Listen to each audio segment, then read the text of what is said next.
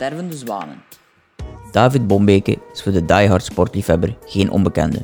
Hij werkt als sportkinesist voor onder meer het CCC wielerteam, tennister Kirsten Flipkens, veldrijders David en Mathieu van der Poel, Greg van Avermaat, het Belgisch Olympisch wielerteam en de voetbalclub Waasland Beveren. Sinds enkele maanden is hij medisch coördinator bij Club Brugge. Bombeke is ruim 10 jaar de vaste verzorger geweest van Cadel Evans en met die Australiër won hij de Tour de France. Stervende zwanen. Welkom, David uh, Bombeke, bij de Stervende Zwanen podcast. Goedemorgen. Goedemorgen. Ehm, het zijn vreemde morgens, vreemde dagen, uh, voor u ook waarschijnlijk. Met de, de coronamaatregelen, welke impact heeft dat eigenlijk voor u? De... Al gigantisch veel. Uh, mijn leven is plots helemaal anders. Omdat je, ja, ik heb een, een aantal kinepraktijken die nu plots ja, uh, on hold staan. Dus we hebben zelf beslist om, om geen patiënten niet meer te zien. ondanks dat wettelijk kunnen we het wel, maar oh, ik denk dat we het gewoon niet kunnen garanderen van, van, van nu mensen te zien. En, en, en ik denk dat gezondheid primeert. We proberen wel wat uitzondering te maken voor echt acute patiënten, maar wat is, wat is acuut? Dus het zijn heel rare dagen. Zo van, van, uh, we proberen bij de mensen nog wel wat bij te staan online. Um, veel te bellen, veel te whatsappen. Uh, ja, heel, heel het sportleven is natuurlijk uh, on hold gezet. Dus het zijn bizarre tijden. Ik zit heel veel thuis. En, en langs de ene kant is het misschien wel een keer de moment om, om, om rustig aan te doen en dingen te doen waar je anders geen tijd voor hebt. Maar ik kan toch nog moeilijk loslaten. En, en, en ik vind moeilijke tijden. Ja, want sowieso, sporters zijn sowieso al een beetje bang, denk ik, van het hele hygiëneverhaal. Die, de coureur loopt bijna bij wijze van spreken altijd met handgel mm -hmm. bij zich. Um, merkt u dat de, de, de mensen die je nu behandelt ook een, een stuk angstiger daardoor zijn? Of, of nog meer op hun hoede zijn dan anders? Ja, absoluut. absoluut. Hey, dus, um, allee, en, en dat is misschien denk ik het, het, het goede om, om dit verhaal. Oké, okay, het is jammer dat zo moet gebeuren, maar ik denk dat, dat iedereen zijn leven nu wel, wel, wel gaat veranderen. Ik denk dat inderdaad bijvoorbeeld uh, handshell, dat dat een, een, een, een, een, vaste waarde voor iedereen gaat worden. Ja. Uh, ik denk dat handen, handen schudden in de toekomst toch wel een, een heel andere connotatie gaat krijgen. Um, dus ik denk dat mensen nu echt wel, wel pijnlijk met de neus op de feiten gedrukt zijn wat, wat uh, allee, het belang van, van hygiëne is. Hetgeen dat inderdaad de wielrennen misschien al jaren vastgegeven was, gaat ook denk ik bij de gewone bevolking die ook wel echt doorgedrongen zijn van oh fuck, het is toch echt wel, uh, wel enorm belangrijk. Ja. Ik, uh, ik, lees ook overal dat immuniteit uh, opbouwen nu belangrijk is. Um, ik las dat ook, zei van ja, uh, bij Sportza denk ik dat was, um, dat eigenlijk nu belangrijker is om te bewegen als je niet gewoon mm -hmm. bent van, mm -hmm. van te sporten. Kun je dat misschien even uitleggen wat je daar juist mee bedoelt? Ja, want die, die, die boodschap is misschien een beetje verloren gegaan in, in, in knippen en plakken. Maar wat, wat mijn boodschap vooral was, van het is inderdaad enorm belangrijk dat mensen bewegen. En mensen hebben nu veel vrijheid, dus ik denk dat het moment is om, om meer te bewegen dan anders. Maar het vooral dat ik eigenlijk wil zeggen is van, inderdaad, de immuniteit hangt vooral van je hormonaal systeem af. Uh, als jij nu gigantisch veel meer gaat sporten dan, dan dat je gewoon bent, plus dat je dat in combinatie met, met het feit dat je nu toch wel iets meer... De meeste mensen gaan meer stress hebben door allerlei redenen. Uh, financieel, door het feit dat, u, uh, dat uw structuur weggevallen is, door het feit dat je nu plots met heel je gezin constant tussen vier muren zit. Dus, dus eigenlijk je cortisol uh, gaat al hoger zijn dan normaal. en als je dan nog eens echt plots een stap gaat zetten in, in, in sporten Hey, bijvoorbeeld hogere hartslagen, langere intensieve blokken, dat is niet zo verstandig. Bouw dat geleidelijk aan op. Dat was eigenlijk de boodschap die ik wou brengen. Want als je dat echt, echt te drastisch plots omhoog gaat doen, dan denk ik gewoon dat je, dat je inderdaad een lagere immuniteit gaat krijgen door het feit dat je eigenlijk heel je hormonaal systeem aan, aan, te, aan te uithollen bent. Dus het eigenlijk het omgekeerde zegt. Als je nu plots meer, meer begint te sporten... Om eigenlijk... Drastisch plots meer zal beginnen ja, sporten. Ja. Daarom ook, ik zei, het is belangrijk dat je, dat je start op niveau, dat je, dat, je, dat, dat je normaal niveau is, en van daaruit rustig aan gaat opbouwen. Dan, is, dan, dan denk ik dat gaat de immuniteit verhogen, maar doe dat niet te drastisch. Ja. Is dat ook een van de grootste fouten dat uh, sporters in het algemeen maken, om iets te snel ik spreek natuurlijk hier nu vooral over de gewone bevolking, ja. maar zelfs ook naar topsport denk ik dat nu niet het moment is om... Uh, dus ik denk al even een topsporter zijn andere gegevens natuurlijk. Eh, zeker als je naar individuele sporten, zoals bijvoorbeeld de wielrennen gaat, eh, waar je toch echt leeft van piekmomenten. Het is nu heel moeilijk om te gaan trainen dat je niet weet wanneer je volgende piek gaat moeten vallen.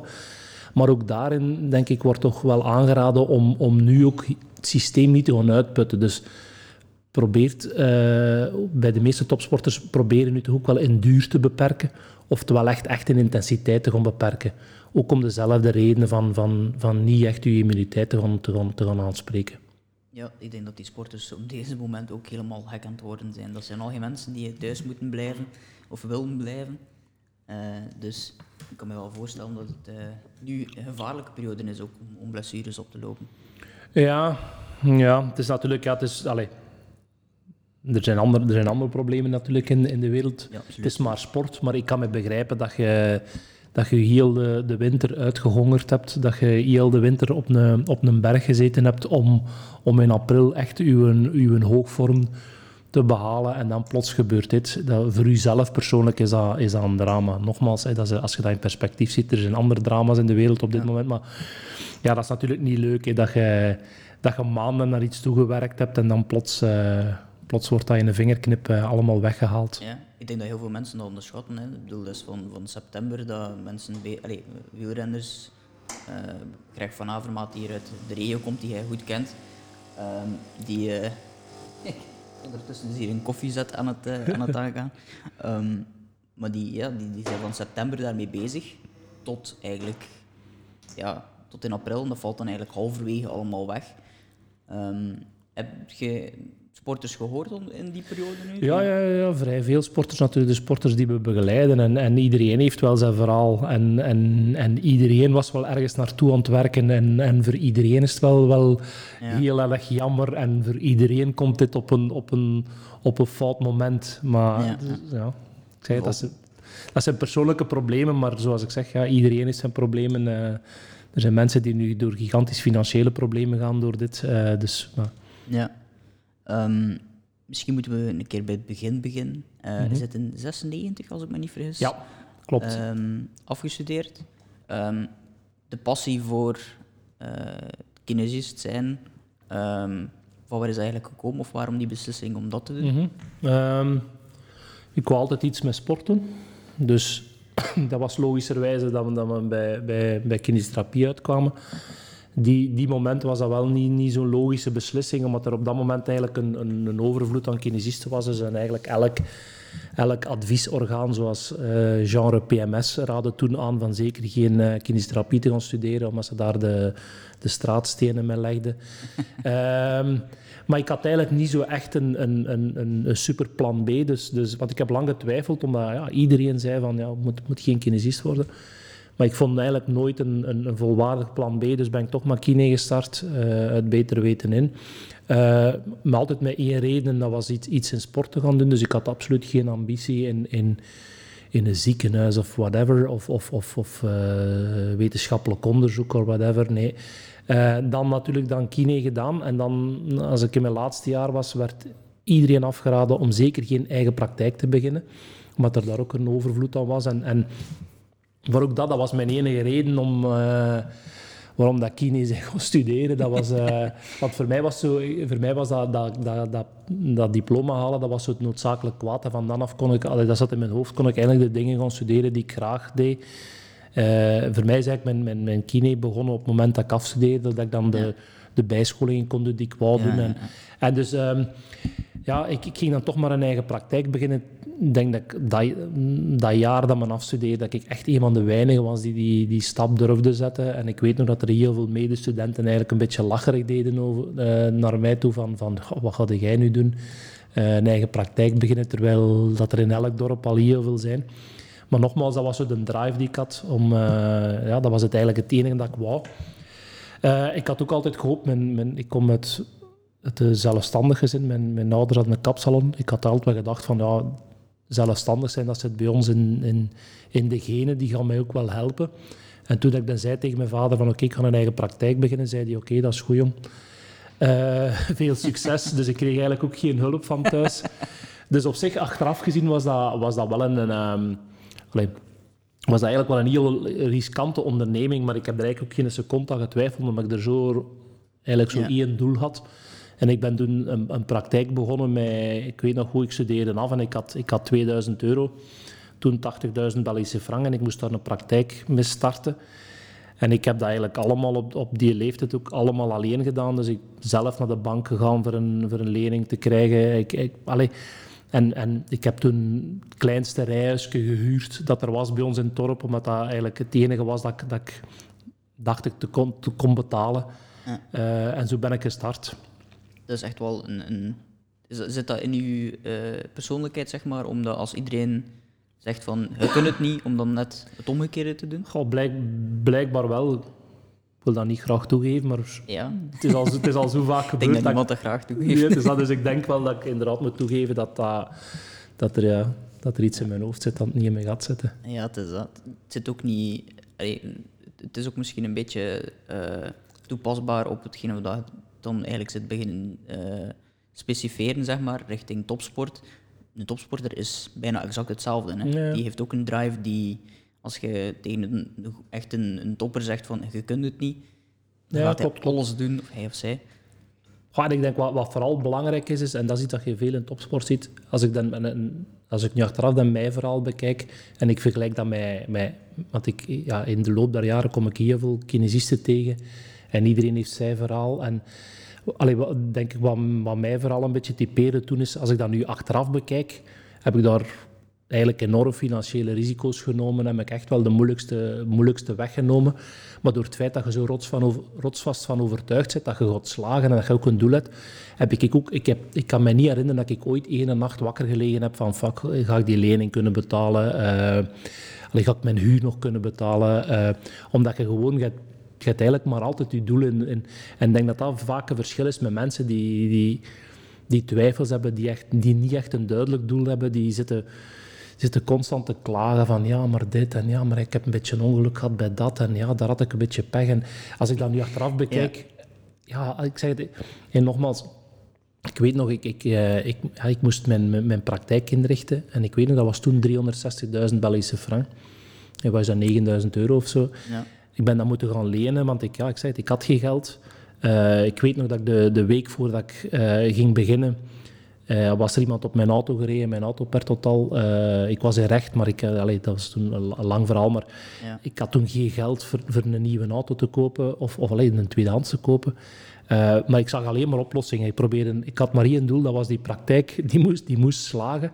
Ik, zei het, en, en ik weet nog dat ik mijn eerste keer mijn belastingen kreeg, dat ik die niet kon betalen, dat ik zelfs een lening moest aangaan om, om, om, om mijn belastingen te kunnen betalen. Maar ik zag dat nooit als echt een, een, een nadeel of, of, of een probleem. Achteraf denk je wel van, wow, dat is echt wel niet de makkelijkste weg. Maar ja, je hebt inderdaad je hebt één doel en, en, en dat je wilt slagen. En ik denk dat dat enorm belangrijk is, dat dat ook de enige juiste mentale ingesteldheid is om, om, om iets te doen werken op eender welk niveau. Ja, absoluut. Ik hoor mezelf een beetje babbelen. Ik, ik hoor daar ook wel een beetje mezelf in. Het is inderdaad wel heel belangrijk om een passie te hebben. Als, voor mij is het ook heel moeilijk om mensen die geen passie hebben voor een bepaald iets, die, allee, je moet dat echt wel hebben om ergens te kunnen voor slagen, denk ik. Absoluut, absoluut. Ehm je zei toen begon met wij in praktijk, is ref training, was dat toen? Ja, toen nog niet. Toen, Toen was het nog gewoon David waarschijnlijk, Bombeke. Ja, en dat ja, is dan uitgegroeid inderdaad naar een groepspraktijk die REF is. Ja. Ja. Dus een groepspraktijk die ondertussen wel een... Hoeveel mensen werken er ondertussen? Oh, we zitten nu met 15 Ja. op twee locaties. Dus dat is wel een, eh, een, een mooie uitbreiding van een klein huurhuisje Ja, absoluut, absoluut. naar eh, een hele belangrijke...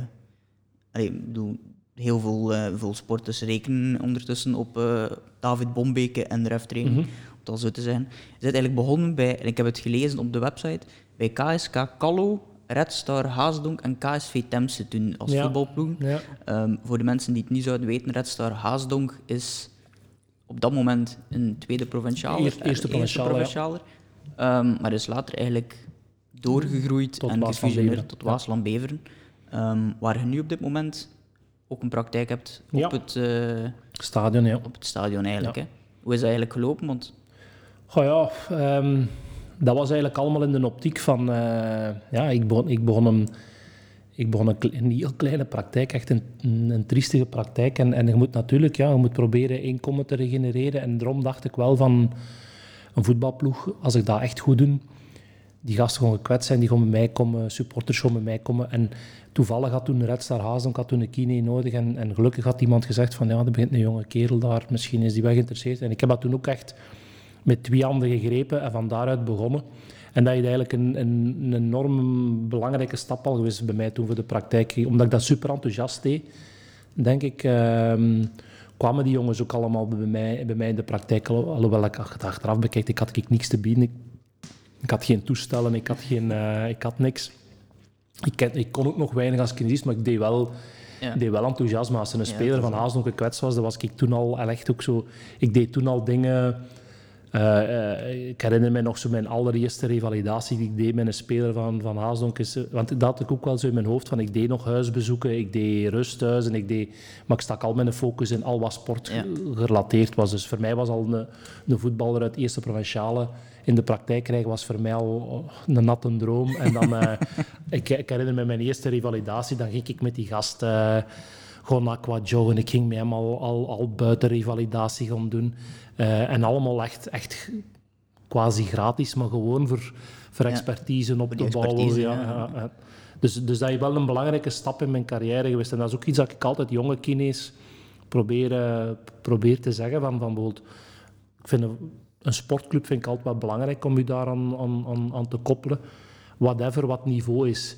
Uh, ik zeg ook altijd van, ze zijn, ze zijn in, in vierde provinciale evenveel gekwetst of meer gekwetst dan in eerste klasse. Dus voor een beginnende kine, denk ik, is dat, is dat een, heel goed iets om aan te koppelen. En ik denk dat het niet belangrijk is, probeer ik altijd te zeggen, van het maakt niet uit wat niveau dat is, maar probeer dat, dat wel all the way te doen. Als je geen zin hebt om, om kine te worden in tweede provinciale, moet je dat niet doen. Oftewel doe je dat all the way, oftewel doe je dat niet. En zo ben ik gestart en dat je mij wel uh, allee, geen windeieren opgelegd. Ja, dat kan ik mij, mij voorstellen, want Red Star is uiteindelijk verder gegroeid. Een beetje samen met jou misschien in het, uh, in het mhm. verhaal naar Waasland-Beveren. Um, je zegt daarnet, uh, het was een beetje een natte droom om uh, een eerste provinciaal mm voetbal, voetballer te hebben. Um, heb je op een bepaald moment dat ook gehad toen dat er de grotere namen kwamen? toen dat er Zeiden van af en toe een keer starstruck geweest? Nee, nee, nee. Dat niet? Nee, nee. Dat, geluk, allee, dat geluk heb ik ook altijd gehad dat ik inderdaad, ik ben altijd heel gek geweest van, van sport. Uh, wielrennen, voetbal. Uh, maar ik heb nooit inderdaad zo echt startstruck gehad. Zo, uh, ik, ik, kon gelukkig zo wel, wel dat, dat loskoppelen van, van oké, dit is mijn job. Ja. En op dit moment hebben die gasten mij nodig en niet andersom. En dat heeft me ja, ook wel geholpen. Zo. Ik denk dat, dat, ook altijd, dat je daar wel een stuk respect van krijgt. Dat, ze, dat je inderdaad niet zo, niet zo fan van je, van, u, van uw patiënten zit. Dat is ook iets dat ik tegen jonge kines vaak probeer te zeggen van Zeg geen supporter van uw patiënten. Probeer, ook, probeer ook geen beste vriend te zijn van uw patiënt. Dat is echt totaal, totaal, allee, totaal de bedoeling niet en dat werkt ook contraproductief. Dus ik denk dat het enorm belangrijk is. Ik heb ik met bepaalde atleten natuurlijk een hele goede band, omdat je al jaren samenwerkt. Maar als het over werken gaat, denk ik dat ze een stuk respect voor u moeten hebben, voor de, voor de job die je doet, voor wat je voor hun betekent. En niet omdat je toevallig uh, allee, dezelfde humor hebt of, of elkaar heel veel belt of zo. Ik vind dat enorm belangrijk. Ja is een beetje in de journalistiek en, alles eigenlijk van beroepen die er rond de topsport hangen, altijd een beetje hetzelfde verhaal. Van soms uh, te veel uh, vriend, te veel fan willen zijn. Um, bij Ref Training um, zag ik een, tijdje geleden eigenlijk een, een, een filmpje en ik heb het uh, moeten opzoeken, maar Redcore is blijkbaar iets waar jullie um, in gespecialiseerd zijn. Misschien eens uitleggen wat dat juist is, want dat lijkt me wel heel interessant. Ja, ook dat is denk ik een, alleen een belangrijke uh, versnelder geweest in mijn, in, in, mijn, in mijn carrière. Dat was, dat was Redkort. En ik ga dat heel kort uitleggen, maar dat was iets dat ik gezien had op een of andere cursus. En ik denk dat ook een stukje een drive wel, wel, um, wel aantoont. Ik herinner me nog dat, dat, dat, ik in die cursus zat en dat ik de enige was die die naam opschreef. We zagen zo'n aantal, een aantal voorbeelden van stabilisatietraining. En ik, herinner me nog dat ik die twee touwen zag, dat ik onmiddellijk opschreef. Dat was ook zo de beginperiode van internet, dus ook niet zo simpel van alles online te gaan kijken, eh, laat staan bestellen. En ik was de enige die dat opschreef. En dan ben ik dat gaan zoeken, lang vooral kort maken. Dat was eigenlijk een Noors systeem eh, naar training en revalidatie. En ben ik zelf naar Oslo gegaan om, om, om dat te gaan, te gaan leren. En mijn bedoeling was eigenlijk alleen maar voor dat, voor dat te gebruiken in de praktijk.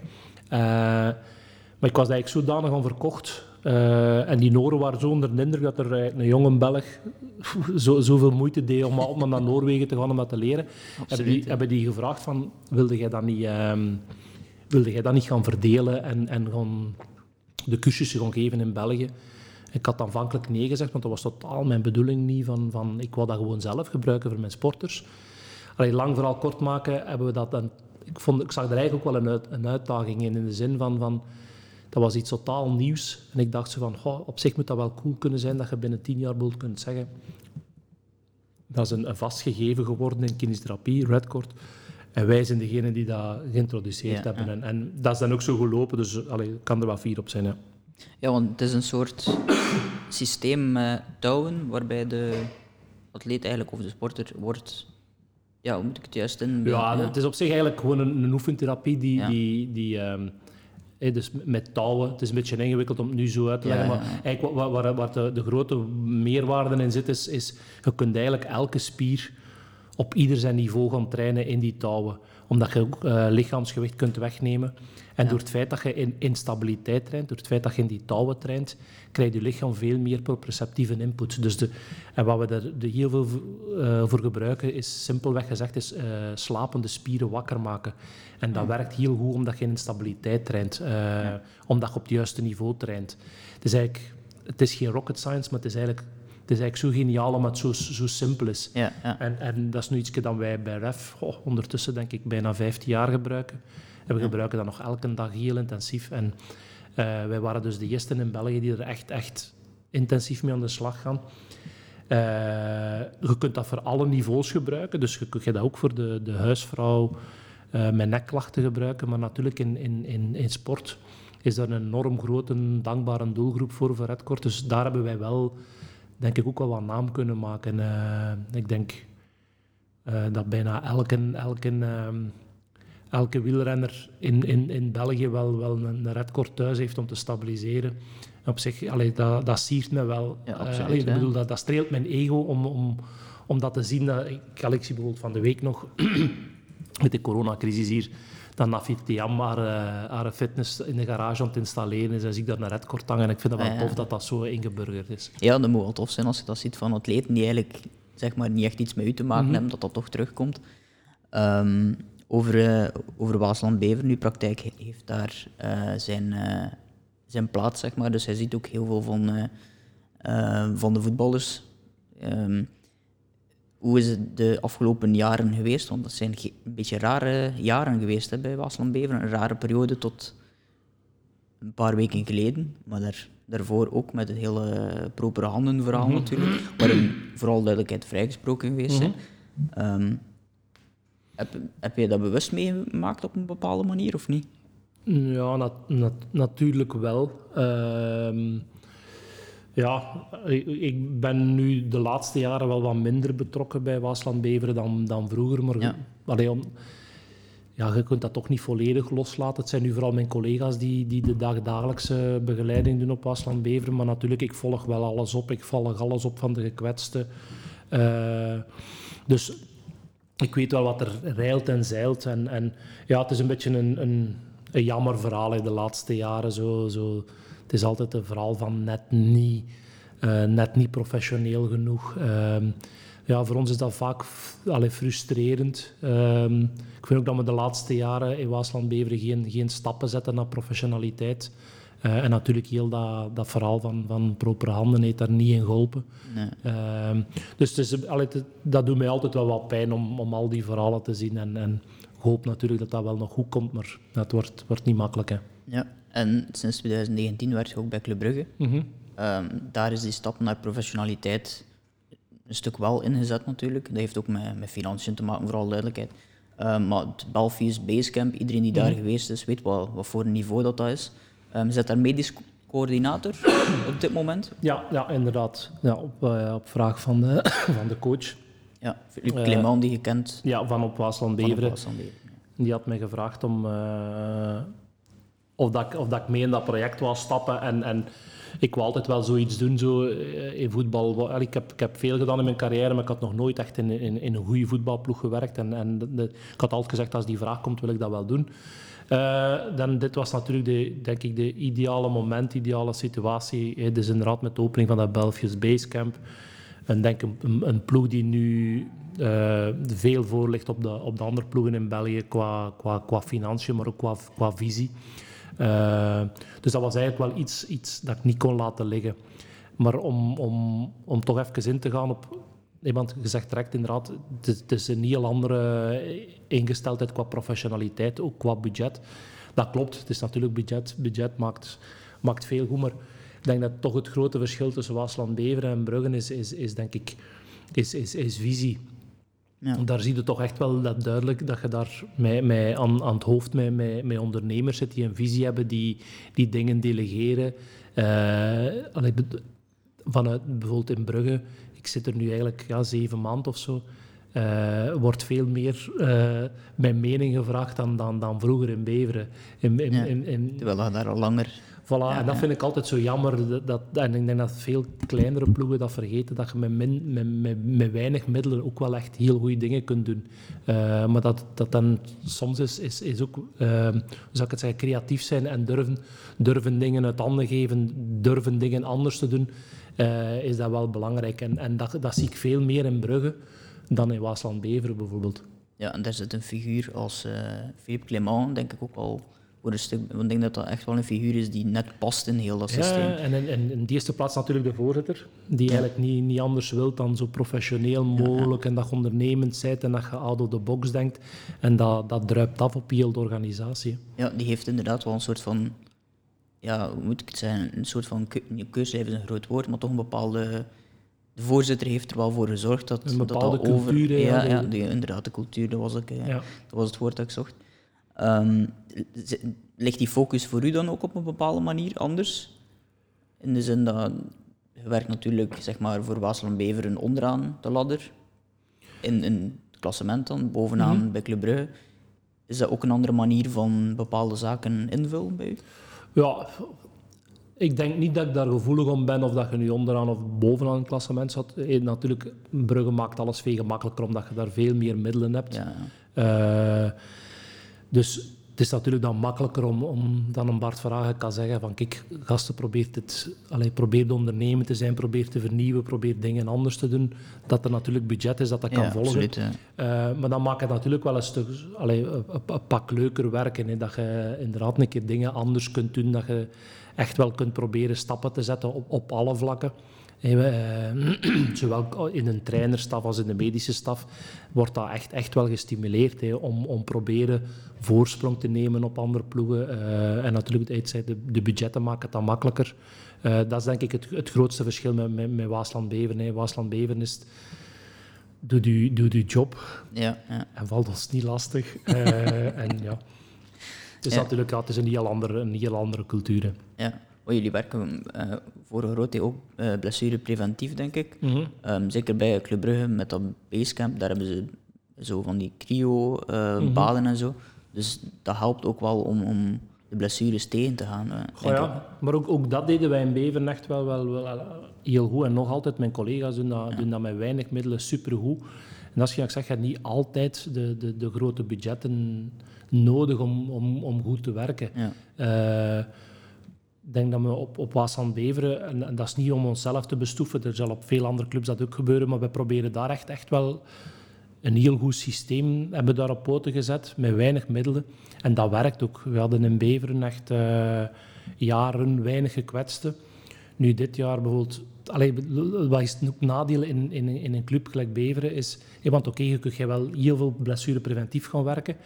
Maar als je natuurlijk elk jaar drie coaches hebt, dan maakt het niet makkelijk. Dus uh, als een coach plots anders begint te trainen, zie je meer blessures. Ja, ja. Uh, het niveau van de spelers. Er worden heel veel spelers gehaald, bijvoorbeeld bij een nieuwjaar, die in die wedstrijd klaar zijn, maar die dan toch belangrijk zijn, die moeten spelen. Ja. Dus dat maakt het allemaal wel wat, wat uitdagender en wat moeilijker.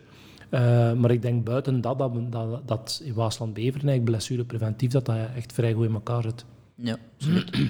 Um, nu, een van de redenen waarom uh, uw naam bij uh, de gemiddelde sportliefhebber eh, op zijn minst een Belgische ranking. Eh, heeft te maken met een, eh, een, niet een voetballer, maar een, eh, een wielrenner. Ehm Cadel Evans. Mhm. Ehm, hoe is die relatie eigenlijk? Of, of eh, hoe hebben jullie elkaar ontmoet? Was dat nog met Davida Monlotto, Ja, ik? en, het eerst, dus ehm, ik heb in 2005, denk ik, het jaar na de Olympische Spelen in Athene. Dus ik had in, in de Olympische Spelen van Athene gedaan voor, eh, voor de Belgische wielrennersbond. En dan door, eh, door, eh, door Peter van Petegem gevraagd voor naar uh, Davida Monlotto te komen. Dat was toen de, de, nieuwe, de nieuwe ploeg die er ging komen. En dan ben ik daar vol enthousiast aan de slag gegaan. Eh, het jaar erop. Ik had eigenlijk nooit, dat was nooit echt mijn ambitie om, om voor een, een, een wegploeg te gaan werken. Ik was eigenlijk super gelukkig met dat ik de, voor de Belgische wielrennersbond. Vond echt tof. Maar dan kwam die, kwam die, eh, die aanbieding van David Amolotto en heb ik die met, met twee handen gegrepen. Ehm, en dan eigenlijk heel snel al, ik denk zelfs al Parijs-Nice het eerste, eerste jaar, ehm, was Cadel Evans daar als renner, was een nieuw renner. was denk ik toen een, een, een heel goed idee van Mark Sergeant. Cadel was toen een beetje op een zijspoor na Telecom. Hij was een super talent Ja, uit de ja. man. Ik kende hem vanuit de mountainbike, want ik had, ook, Mountainbike ik had ook in de mountainbike gewerkt met Filip Meira en Roel Paulussen. Dus ik, ik, ik weet nog dat ik toen dacht van, oh, tof een transfer, zo, Evans. Ja. En, en die had ook vier keer zijn sleutelbeen gebroken bij Telecom en zo. Dus dat was eigenlijk wel echt, denk ik, een hele goede zet van, van Mark Sergeant, van die, van die te tekenen. En dan eh, in Parijs-Nice klikte dat eigenlijk al enorm tussen, tussen hem en mij, omdat hij, allee, ik zag dat hij zo echt zo'n renner was die er echt alles 100% voor wou doen en goed doen. En hij, hij, hij kwam toen in een ploeg. Hij, was, ja, hij had toen een ambitie van, van een grote ronde te winnen, van Tour de France te winnen, maar op dat moment zat dat totaal ook nog niet in de cultuur van Lotto. Bij mij ook niet, maar... eh, Nee, en hij, hij, hij was toen, hij had toen ik zal zeggen, hij was eigenlijk gefrustreerd. Hij het allemaal, allemaal op zijn Armstrongs doen in de zin van alles minutieus voorbereiden. Maar dat was, ja, dat was die, die cultuur was er niet. We waren echt een Vlaams klassieke ploeg. En eh, eigenlijk heeft hij toen in mij, denk ik, een beetje zijn, eh, zijn eh, eh, compagnon de route gezien. Van, oh ja, die ene, die ene moet ik onder mijn, onder mijn arm pakken. En, dan, en ik vond dat natuurlijk weer een gigantische uitdaging om, om, om, om, om zoiets te doen. En, en zo is het eigenlijk gestart eigenlijk van dat eerste jaar al. eh allee, samen, samen ritten van een tour gaan verkennen. Gewoon omdat er, ja, er was ook geen, allee, toen op dat moment geen structuur of geen ploegleider die, die dat zag zitten om, om die... Ja. Hey, toen had ook nog geen... eh, geen, eh, geen GPS-data om te zeggen van eh, we, gaan, we, gaan de, we gaan de ritten van het nu is allemaal veel simpeler. Ja, absoluut. En zo zijn we eigenlijk een beetje naar elkaar toegegroeid. En hebben wij, denk ik, allee, altijd maar intensiever en intensiever beginnen samenwerken. En ik denk dat dat voor beide partijen enorm, enorm leerrijk was en enorm nuttig was. Ja. Ja, om even terug te grijpen naar het voetbal. ik denk dat het iets eenvoudiger is om eh, zo'n relatie op te bouwen met een wielrenner dan met een voetballer. Ik dat juist? Pff, Omdat eh, jullie, jullie liggen zeg maar eh, op de kamer, om, om de, niet, niet letterlijk, maar dan om de stretchings en zo te doen, een massage te doen. Ja, het is natuurlijk het is, het is, het is een individuele sport. Ja, Dat maakt het sowieso al, al makkelijker. Eh, je zit heel veel samen onderweg. Eh, en zeker gelijk in het verhaal met Cadel, ja, je zit heel veel, wij, wij gingen echt, allee, wij deden echt alles samen in de zin van hoogtestages, eh, alle, alle ritten verkennen. Dus je zit echt wel allee, heel veel gewoon samen. Ja. Dus het is, het, is, het is logisch dat je dan een- inderdaad een band opbouwt. En dat is anders in een, in een, in een, in een ploegsport zoals voetbal. En natuurlijk, ja, als je het, allee, het niveau van, van, van een Evans, allee, dat zijn echt gasten, dat zijn, dat zijn, dat zijn wereldtoppers, eh, die er echt wel alles en alles en alles voor doen. Dat is iets dat je toch allee, niet gaat zien in, in, in voetbal. Omdat, omdat het een ploegsport is. Het is gewoon een ander sport. Het is appel andere, en peren vergelijken, maar ja, ja, zoiets is, is, dat zijn toch unieke profielen, hè, zoals Cadel. ja. Je zegt zelf al een beetje een uniek profiel. Er is altijd zo'n iets geweest met, met hem, een, een moeilijke, moeilijk te doorgronden, denk ik. Mhm, mhm, Ehm, af en toe wel een, een moeilijke relatie, misschien met de buitenwereld. mhm. Ehm, het is moeilijk om daar een verklaring voor te geven, denk ik. Maar hoe was hij als persoon? Want het lijkt me een heel intelligente kerel. Ik denk dat dat eh, een stuk zijn probleem was. Ik denk dat hem Ja, soms iets te intelligent was voor, voor eh, soms een banale eh, Ja. wereld zoals sport. En ik denk dat zijn probleem was, ja, hij was, hij was, ja, ik probeer ook altijd te zeggen van, het is ook wel iemand die uit de Outback komt. Dus hij is, hij is heel anders opgevoed dan wij. Hij is want- opgevoed tussen de Ja, aboriginals ja, hè. natuurlijk. En, en dat is iets, allee, ik, ik ook, ik kan dat niet inschatten, maar, maar eh, hij hij is als kind ook veel gepest doordat hij er eh, zwaar schedeltrauma had als kind. Dus eigenlijk denk ik dat zijn, zijn jeugd... Want ik, ik weet nog, dat, ik- dat was vroeger altijd een boetade dat ik zei dat er iemand wil Lotto zei van ja, maar hij is anders. Dan zei ik Ja. altijd van ja, hij is inderdaad anders dan, dan, dan Leif die in, die, in, die, in, die Kortrijk is opgegroeid of, of David Bombeek die in, die in Beverwaas is opgegroeid. Ja, Natuurlijk is hij anders. Tuurlijk. Maar eh, ja, dus, en ik denk allee, dat dat stuk... Dan moet ook weten dat dat iemand is die op zijn 16 jaar gewoon gezegd heeft van ik laat alles achter, ik ga naar Europa en ik ga proberen coureur te worden. Ik denk ook dat dat iets is dat wij niet kunnen inschatten, want dat is ook iets dat ik altijd zeg, van iedereen heeft dat wel gehad. Ik heb ik ook waarschijnlijk vroeger gezegd van ik wil profvoetballer worden of ik wil... Maar tussen dat echt, op je 16 jaar echt zeggen en van vanaf die dag... Ja. Cadel zei mij ooit van, sinds mijn 16 doe ik elke beslissing in mijn leven, elke dag. De enige, de, dus, en als, als hij ergens een vraag had, was altijd zijn, zijn keuze was altijd van, ga mij dat helpen om Tour de France te winnen of niet? Vanaf zijn 16 jaar, dat is iets dat wij niet kunnen voorstellen. Dus hoe Nee, dat is- maniacaal dat je, dat je gefocust bent op je doel. Dus in die zin was hij volledig anders. Ehm, dus daardoor had hij denk ik ook... Hij was misschien communicatief niet de sterkste. Eh, hij was vrij introvert. Daardoor had ook mensen minder vertrouwen. Ik denk dat dat vooral zijn, zijn groot Ja. probleem was. Hij, hij zag, hij zag in, de- in, in de buitenwereld vaak eh, vijanden die hem gingen tegenhouden om zijn doel te bereiken. Ja.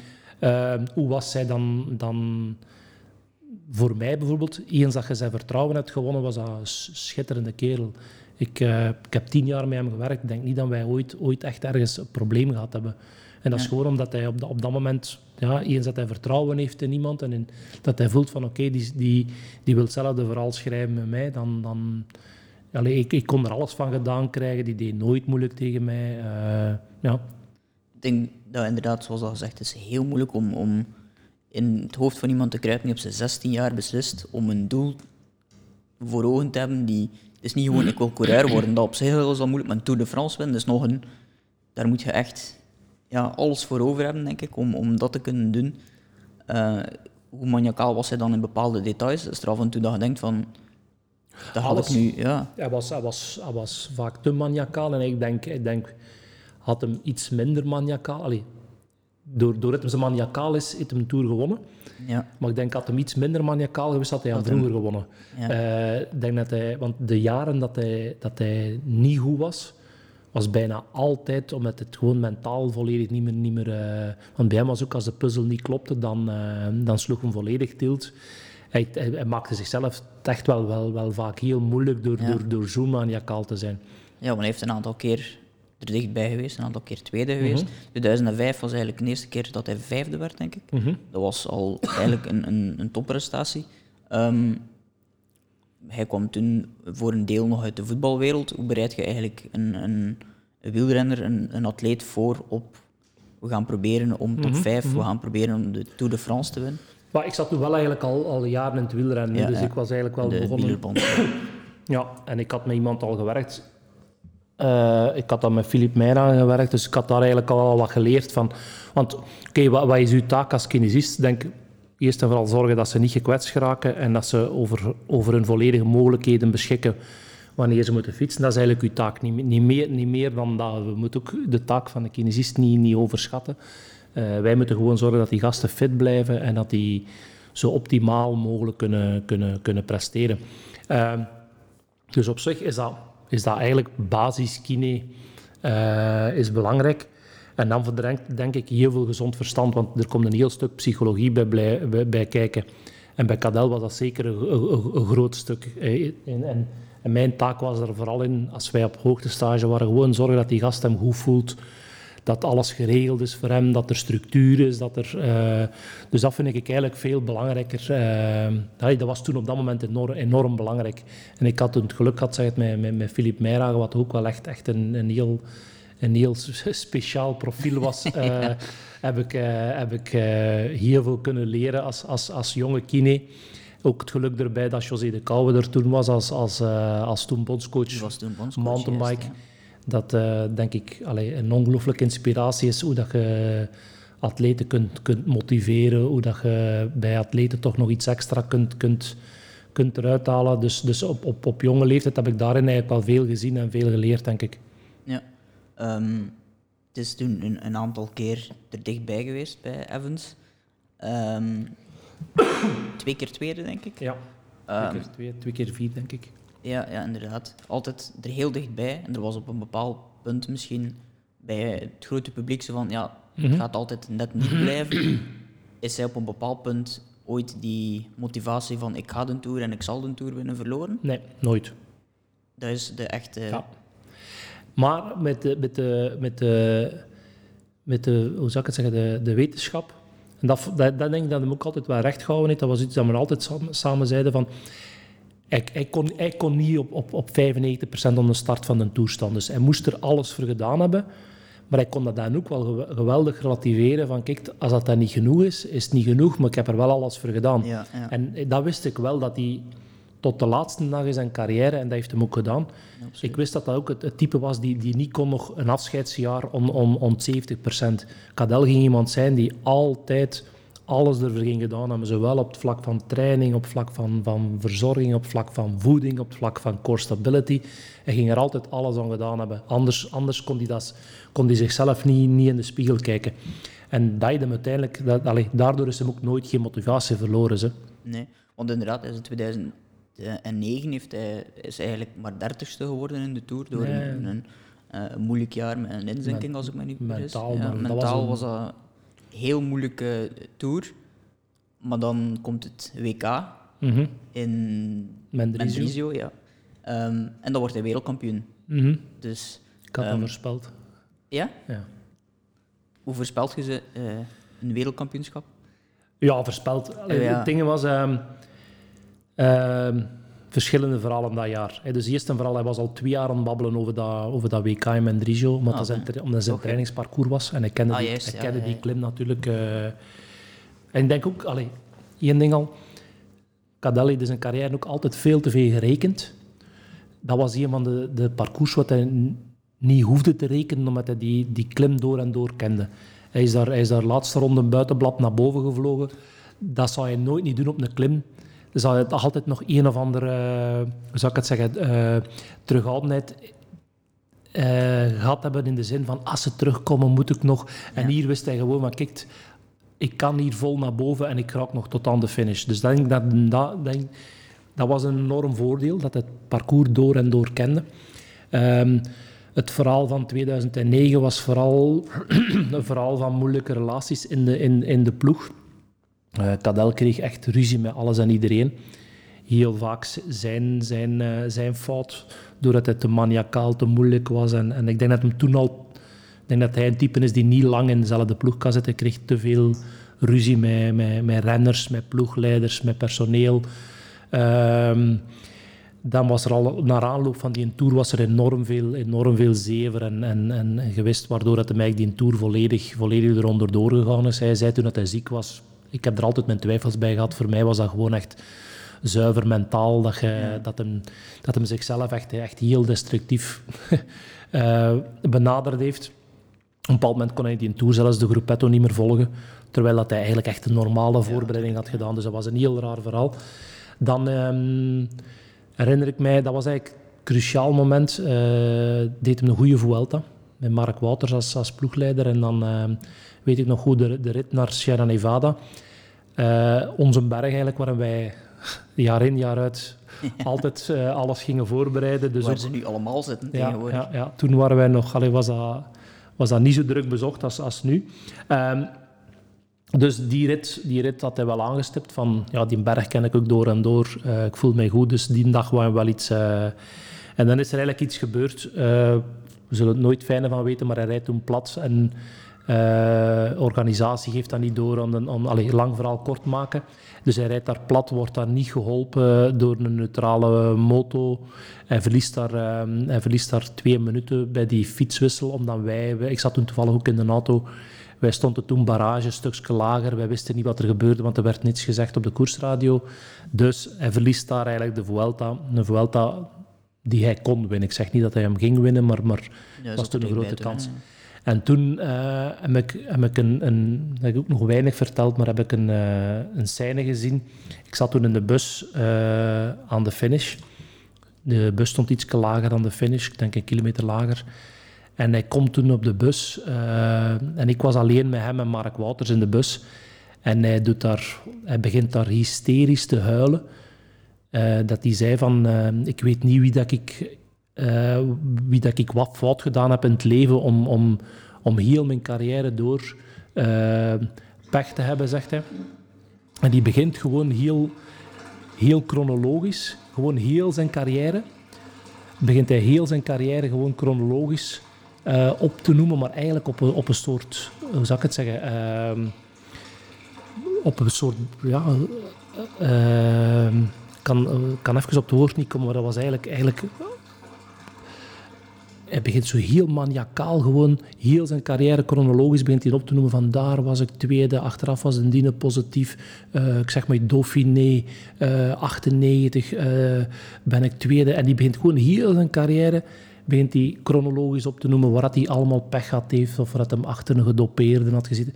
En ik dacht zo, wow, als uw frustratie zo diep zit, ja, dan, dan ga je dat terugbetaald krijgen. En dat was, dat was twee weken voor het WK. En toen had ik wel het gevoel van, die wordt wereldkampioen in Mendrisio. Net daardoor? Ja, dan, dan, dat je dan echt wel ziet van, fuck ja, die, die, die gast is zo'n zo'n innerlijke drive. Ja. En, en hij was toen conditioneel hoe dat, plus weten van, oké, het is op zijn trainingsparcours. Toen had ik zoiets van, ja, die wordt wereldkampioen die dag. Ja, er zijn erbij die als ze klappen op hun hoofd krijgen, eronder doorgaan, maar hij is eigenlijk net het omgekeerde gedaan. Hè. Dat was echt, echt... Ja, ik kan dat eigenlijk niet, niet beschrijven toen dat moment in die bus. Dat was toen echt hallucinant. Ja, dat kan ik mij voorstellen. Dat no, dat... Nooit gezien, nooit gezien van een sporter. Moet zijn dat hij dan toch wel daar echt mee bezig moet geweest zijn de, en, de en dat, jaren. Ja, en dat vond ik het knap ook. Cadel is ook, want ja, hij heeft in, in een moeilijke periode ook wel... Hey, dus we moeten er ook eerlijk in zijn. Het was ook een periode waar... waar zo, EPO, dit, dat... Uh, ook naar mij toe. Cadel was nooit iemand die, die uitvluchten zocht, die eigenlijk altijd alleen over zichzelf babbelde. Hij babbelde nooit over zo dark horses of over de dienen, vertrouwen ik niet. Of, hij was eigenlijk iemand die eigenlijk heel zijn carrière altijd naar zichzelf keek. En dat was eigenlijk een van de weinige momenten dat dat er een keer echt op een heel rare manier uitkwam. Ja, dat is misschien beter dat dat dan in één keer eruit komt. Catharsis noemen ze dan zeker. Dat was ja, ja, inderdaad. Dat is een beetje het systeem uh, flushen, om het dan zo te noemen om... Uh, waar jij hem Andrizo? Ja, zeker. Ja, ja absoluut. ik heb hem ook heel die week toen behandeld en gemasseerd. Ik was er met de Belgische ploeg, maar, maar hij kwam toen elke dag naar, uh, naar het hotel bij mij. Ja. Dat, uh, dat moet een heel speciaal moment zijn om hem over die, die mee te zien komen en was, daarna in de regenboog te zien staan. Ja, ja, ja. ja omdat je... Allee, in dit geval nu... Allee, ik gunde die gast enorm, omdat ik, ik denk dat ik bevoorrechte getuige was van iemand die er nu echt een keer echt alles voor gedaan heeft die het inderdaad niet gemakkelijk gekregen en gehad heeft. Dus dat is echt wel op dat moment iemand dat het enorm, enorm, enorm gunt. Ook heel die week was voor hem niet makkelijk toen hij die hele Australische ploeg koos voor Simon Gerrans als kopman. Juist, ja. uh, dus dat was echt wel... Echt wel uh, het zat toen allemaal niet mee dat jaar. En dan dat je dat dan zo kunt rechtzetten, is echt, echt, echt knap. Ja, het was eigenlijk een beetje een... Ja, een rotjaar misschien, om het, om het zo te zeggen. En dan op die manier het goed maken. Ja, meer dan uh, een rotjaar. Hè? Ja, zegt veel over, uh, over zijn kwaliteiten, fysiek, maar vooral ook mentaal. Ja, ja. Um, en toen leek dat misschien het hoogtepunt van zijn carrière te worden. Ja. Maar het is eigenlijk pas op zijn 33ste, 34ste, ja. ik ben even in, uh, 34. ja, 34 hè. Um, in 2011, waarin hij toch dat toegehaald dat misschien voor heel veel mensen in de buitenwereld al misschien een beetje afgesloten was van de Tour zal hij misschien niet meer winnen. Ja, klopt. Um, en toen lukte het wel. Uh, hoe is, had je in die periode in de Tour, die 2011 Tour, toen al het idee van het zit er misschien toch wel in? Ja, en eigenlijk heel snel. En vooral ook weer door de, de signalen die hij gaf. En ik heb dan ook achteraf gevraagd, zo, zeg, gaat vrij snel door dat je hem, dat je hem ging winnen. En zei ja, ik denk niet dat hij extreem... Hij was eigenlijk elk jaar bijna hetzelfde niveau in een Tour. Uh, dus hij was dat jaar goed, zoals altijd. Maar we hadden onmiddellijk de indruk dat de tegenstand wat minder was. Sleks waren wat minder dan, ja. dan de jaren ervoor. Uh, ja, en, en allee, eigenlijk de eerste week voelde ik al van, dit zou wel een keer het jaar kunnen worden. Ja. Ja, dat was het jaar met eh, Gilbert ook zeker in de, Ja, de Muur de Bretagne. ja, ja, ja, ja. Daar was hij ook vierde. Daar was al meteen een, een eerste signaal. ik. Muur de Bretagne wint Cadel volgens Of mij. ja, het was ja, Mont des Alouettes. Mont des Alouettes, ja, ja, ja. Waar het, waar het hij volgens mij had kunnen winnen als hij daar niet te veel rekent. Dat is ik zeg, hij is zijn carrière veel te veel gerekend. Ja, ja. En op het moment dat Gilbert gaat, denk ik dat hij nog wacht. Voor, hij is er te veel klassementsrenner. Ik denk als hij daar echt Ja. rijdt om te winnen, dat hem daar ook wint. Maar Ja. kom, whatever. Ja, ja, dat is ook het, het, het jaar van een, eh, een waanzinnig goede Gilbert natuurlijk. Ja. Ehm, nu, die, die tour loopt zeg maar naar, eh, naar het einde toe. En het is eigenlijk in de tijdrit, die laatste tijdrit, dat hij beslist maakt. Er staat daar 57 seconden achter op, eh, op Andy Schleck. Die voor wielerliefhebbers weten dat, dat was geen, geen kraam Nee. in het tijdrijden, zeg maar. Ehm, voelde dat dan de dag vooraf van hier kan het, hier gaat het beslist worden? Ja, je, zit natuurlijk altijd een beetje... omdat in, in, in- in, zijn carrière al zo vaak was tegengeslagen. Bijvoorbeeld het jaar met... Ja, je had al twee keer eigenlijk in de tijdrit de Tour verloren tegen Sastre en tegen Contador. Eh, dus je zit echt wel... wel allee, je behoedt jezelf voor, eh, ja, ja. voor tegenslag. Ehm, maar we wisten nu wel dat, dat die, die, die, ehm, die 57 seconden, als alles normaal ging, moesten we dat wel kunnen, kunnen, goed, kunnen goedmaken. Ehm, en ik denk, ah, die avond ervoor sliepen allemaal op Alpe d'Huez boven. En ik zie daar de Schleks s'avonds nog zo wat in de lobby rondhangen en dit en dat. Oké, iedereen heeft zijn manier van, van te ontspannen of zijn sport te beleven. Maar toen dacht ik wel al van, ja... allee, Ik bedoel, dat zie ik eh, Cadel nu niet meer doen. De avond voor een belangrijkste tijdrit in hun carrière niet nog wel liggen rond. Eh, ook de, denk ik de dag zelf. Wij zijn toen 's morgens heel vroeg vertrokken. Omdat we schrik hadden voor filen op Alpe d'Huez. Want we moesten Alpe d'Huez afdalen om Ja, zo naar. Grenoble te rijden. Dan horen wij achteraf dat de Schleks in de file stonden ehm, op Alpe d'Huez. Dat die de verkenning niet hadden kunnen doen en zo. Dat geeft je natuurlijk allemaal wel vertrouwen. Hè, dat je gewoon een, een beter plan hebt, beter voorbereid zit. Eh, dus allee, alle tekenen zagen er wel, wel gunstig uit.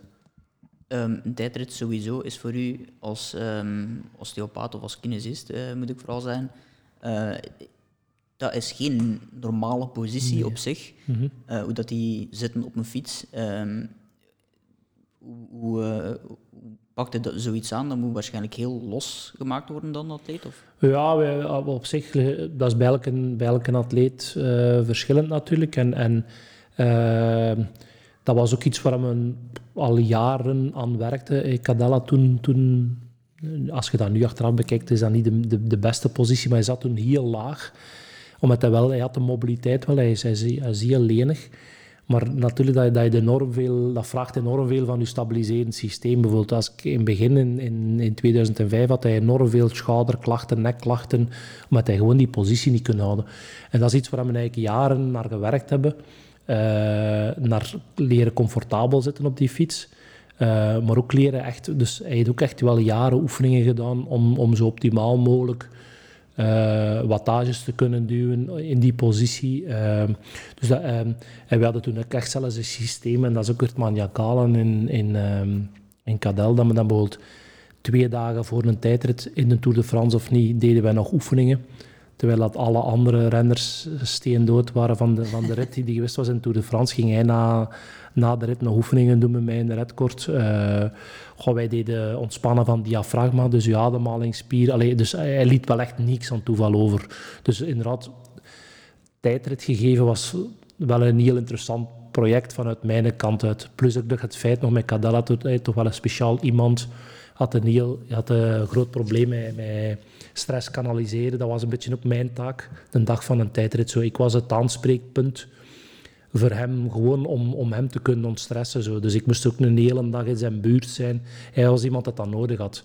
Eh, de Greg van Avermaat heeft dat niet nodig. Die jongen is zo relaxed. Ja, ja, ja. Uh, maar Cadel kon, kon bijvoorbeeld gewoon flippen de dag van een tijdrit, dat er uh, misschien twee, twee mannen een keer hetzelfde vroeg aan hem, van waar ligt uw helm of zo.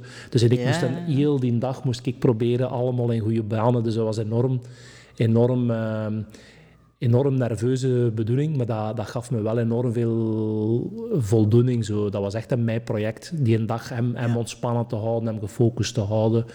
Ja, dat was echt, echt, echt wel tof. En op het einde van de dag staat hij in de hele trui. Dus dat project lukt.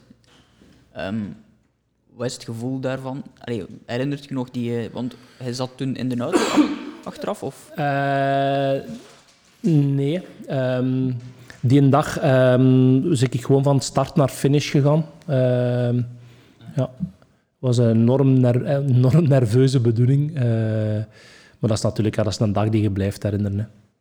Ja, dat kan ik mij wel voorstellen, dat dat inderdaad een dag is die, eh, die niet meer passeert. Eh, de dag daarna was het in Parijs. Ja. Ehm, er staat een hele mooie en eh, bekende foto, denk ik, ondertussen van, van jullie samen na de, na de aankomst, ook waarin je arm over hem Ja, legt. ja. Ehm, is dat op dat moment misschien ook voor u een, een soort van toppunt in uw Ja, carrière? Of een, dat is plezant dat je een er- toppunt natuurlijk. Ja, nee, nee, maar ik ben niet, ik ben niet type dat, dat zo denkt van... ehm, ik ben niet type dat zo denkt van... ehm, dat is mijn verdiensten of zo. Allee, ik denk, hetgeen dat ik zeg, je moet de rol van een kinesist niet, over, niet, niet, ehm, niet overdrijven. Maar natuurlijk, in dit verhaal was dat echt wel iets speciaals. hè. We hebben echt wel, wel tien jaar heb ik er al kunnen meewerken. Dus je voelde wel ook... Allee, het is ook een stukje uw projectje. Ondanks dat je gewoon vooral het geluk hebt dat dat een uitzonderlijke atleet is die dat op je, op je pad gekomen is. Hè. Ja, het is eh, een heel klein stukje van die hele trui. Heeft, eh, Wow, een heel, heel, ook, eh, heel klein stukje. David Bombeke Een heel, heel klein stuk. Ehm, nu, is- heeft die, die periode natuurlijk heel lang bij u. Eh, Is hij nu, op dit moment heb je daar dan nog altijd veel contact mee? Hij woont Ja. nu in Livorno? Of in Ja, is- Italië? Stabio, dus eh, Ah. Zwitserland tegen de Italiaanse grens. Ja, ja, ja. Ehm, ja, ik heb er wel eh, nog regelmatig contact mee. Het is niet dat we elkaar wekelijks bellen, maar veelal, veelal WhatsApp-berichtjes. En ook, dat, is, allee, dat, dat blijft wel, ja. Ja, volgt hij het wielen nog altijd even? Ja, ja, ja. ja. Is wel nog altijd eh, even... Wat, wat doet hij nu eigenlijk? Is hij vooral... eh, Goh, hij, werkt, hij werkt als stukje ambassadeur voor BMC. ja, juist. voor het fietsenwerk. En ook dat doet hem heel, eh, heel maniacaal. Hè. Dus hij, hij helpt mee ook aan, om testen van fietsen, ontwikkelen van nieuwe fietsen. Dus eh, hij is er ook wel echt wel, wel heel maniacaal mee bezig. Ja. dat is wel een beetje typisch in, Ja. in zijn verhaal natuurlijk, dat Ja. hij daar een hele goede persoon voor is natuurlijk. Om dat Ik weet nog dat, eh, dat toen die, dat idee kwam, vond dat een heel goed idee toen van Andy Ries, van, van ook een stuk uit de erkentelijkheid van, van BMC naar, naar, naar... Ik had heel veel gedaan voor BMC natuurlijk. En, en eh, het was het idee van Andy Ries van hem in, de, in, in het bedrijf op te nemen als een stuk ambassadeur, maar ook om te helpen. En ik weet nog dat ik toen tegen de, de CEO David Surger zei van zeg let op. Ja, want hij ging dan ook wel wat, wat helpen in, eh, in ontwikkelen van nieuwe fietsen. Ik zeg let op met dat te doen, zeg, want binnen de maand hij gaat meer weten van carbonvezels dan, dan alle ingenieurs samen. En, en dat is ook zo, dat, dat, dat, Ja. dat, dat typeert en Cadel ook weer dat hij daar hem volledig in, in vastbijt en, en er echt heel veel van, van kent en weet. Ja, die toppers zie je ook heel vaak na hun carrière, dat die ook daarin succesvol kunnen zijn. Ja. Dus, ja. eh, ehm, nu, er zijn heel veel eh, sporters gepasseerd. Je hebt ook een goede relatie met, eh, of, of lang gewerkt met eh Kirsten Flipkes. Mhm. Ehm, de verschillen tussen voetbal en koers, en is waarschijnlijk ook allemaal een beetje een, een- nog een stuk meer ehm, individualistischer. Mhm. Tennis is een, ja, echt volledig individualistisch. hè. Wielrennen is nog een deel Ja, ja, in een ploeg. Klopt, klopt. Ehm, daar is mentaal het verhaal nog een stuk belangrijker, denk ik. Hè. Ik denk het wel. Ik had dat ook onderschat, maar bijvoorbeeld inderdaad, tennis is een enorm, enorm individuele sport in de zin, vooral, ge, ge- het is een, een heel concurrentieel veld. Dus eh, Ja. het zijn allemaal tegenstanders. Je, trekt eigenlijk hele dagen op met je, met je tegenstanders. En, en dat, dat maakt het denk ik enorm moeilijk. Je zit in... in allee, en en oké, de toppers die kunnen zich... zich eh, die hebben die hebben een groep rond hun. Die hebben een, die hebben een tenniscoach, die hebben een physical coach, die hebben een kine. eh, die kunnen wat familie meenemen. Die, als je het financieel voor elkaar hebt, dan is dat, je daar, kun je daar een heel mooi, heel mooi leven aan, aan, aan breien. Maar zo de, de, de categorie daar net onder, die, die, want je moet ook al je onkosten zelf betalen. Dus Ja, je moet ook, je moet ook eh, enorm goed opletten wie dat je meeneemt naar waar en zo. Dus het is een enorm, enorm eenzaam leven. Je zit, eh, dus dat is, dat is echt moeilijk in tennis. En een tweede stuk is ook altijd, je, weet, je kunt moeilijk om plannen. Je weet nooit, leg je de eerste ronde uit, je gaat halve finale spelen. Ja, ook. Eh, op het moment dat je eruit ligt, je moet zelf je ticket gaan boeken uh, vanuit het volgende toernooi. Dus het is een, een heel apart leven. Ik denk dat veel mensen dat, dat echt onderschatten. Ja, absoluut. Ehm, een andere kerel die hier uit de streek komt, is iemand die je Olympisch kampioen hebt zien worden. Ja. Uh, want hij zit vier keer naar de Olympische Spelen geweest. Ja. de laatste keer was in, Rio. in, in Rio, ja. Ik was even... ik, was, ik ging bijna Tokio zijn. Um, dus Greg van Avermaat, die hier uit de streek komt, die is eigenlijk van Hamme zeker, ja. afkomstig. Um, dat is een hele andere figuur, zoals dat je net al gezegd hebt, dan Cadel Evans. Oh ja, totaal anders. Hè. Um, maar wel iemand die je ook goed kent, die, ja. die uit de streek komt. Olympisch kampioen, is dat dan ook een moment dat je nooit meer vergeet? Want dat zijn die... Ja, absoluut. Dat is, dat is ook hetzelfde, hè, omdat dat iemand is die je, die je kent en dat lijkt dan echt surreëel. Dat, dat iemand die je echt heel goed kent, die je al, al, al 15 jaar kent, die dan plots plots ja. Olympisch kampioen wordt. Dat is echt heel mooi. En die dag was voor mij wel, wel super speciaal, met hij wordt een eerste Olympisch kampioen en s'avonds S'avonds uh, klopt Kirsten Flipkes uh, Williams in de eerste ronde daarin. Dus dat was echt, echt zo een, een dag van... Uh, echt een rollercoaster van emoties. dus dat was wel een speciale dag, ja. ja. Ja, dan zit je wel voor de rest van de dag blij, denk ik. Ja, ja, en de rest van de dagen ook de nog. De rest van de dagen, ja, inderdaad. Um, niet dat ik ze allemaal nu wil afgaan natuurlijk, maar er is me eentje binnengekomen toen, dat 16, toen dat hij 16 jaar was, uh, op voorspraak van zijn vader. En die is nu mm -hmm. ondertussen drie keer wereldkampioen in het veld. Mathieu van der Poel. Mm -hmm. Die is eigenlijk bij u binnengekomen door Adrie, zeker? Hè? Ja, dat ik me meen te herinneren wel, ja. ja. ja. Um, als die binnenkomt op die leeftijd, dat is nog jong, denk ik, sowieso, voor, mm -hmm. voor mensen die bij jou uh, in behandeling komen. Um, ziet je dan meteen van dat is een speciaal, want... Goh, het, het, zou goed klinken van te zeggen ja. Ja, uiteraard, uh, ja. Ik kan me dat niet meer zo herinneren, maar wat ik me wel herinner is wel... Ik had wel vrij snel door dat dat, dat, dat niet een alledaags iemand was. Zo, je hebt wel het gevoel dat dat, dat, dat een jongen is die, die extreem veel talent heeft. Hè. Dat, dat zie je al gewoon al aan de uitslagen, maar ook je ziet al stomme dingen. Hè.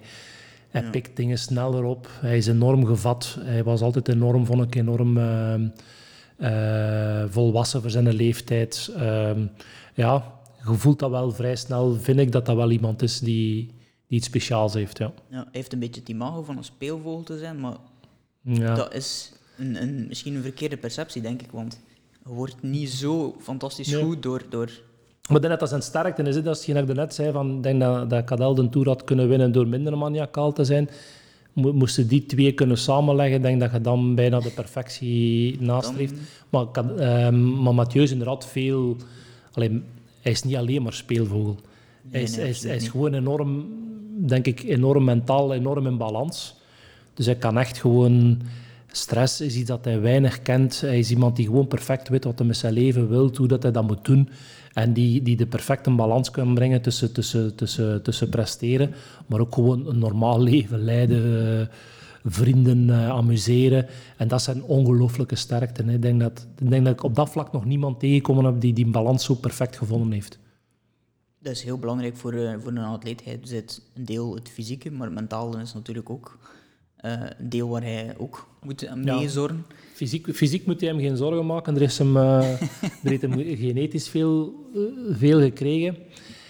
En hij doet daar veel mee, dus hij traint veel. Dus fysiek, ja, dus je zegt, fysiek moet hem niet te veel zorgen maken. En, en dat maakt hem ook mentaal wel nog een keer een verschil met de rest door, door, ja. door dat zo perfect in balans te hebben. Ja, want hij is ook iemand die van bij de jeugd ook al altijd won.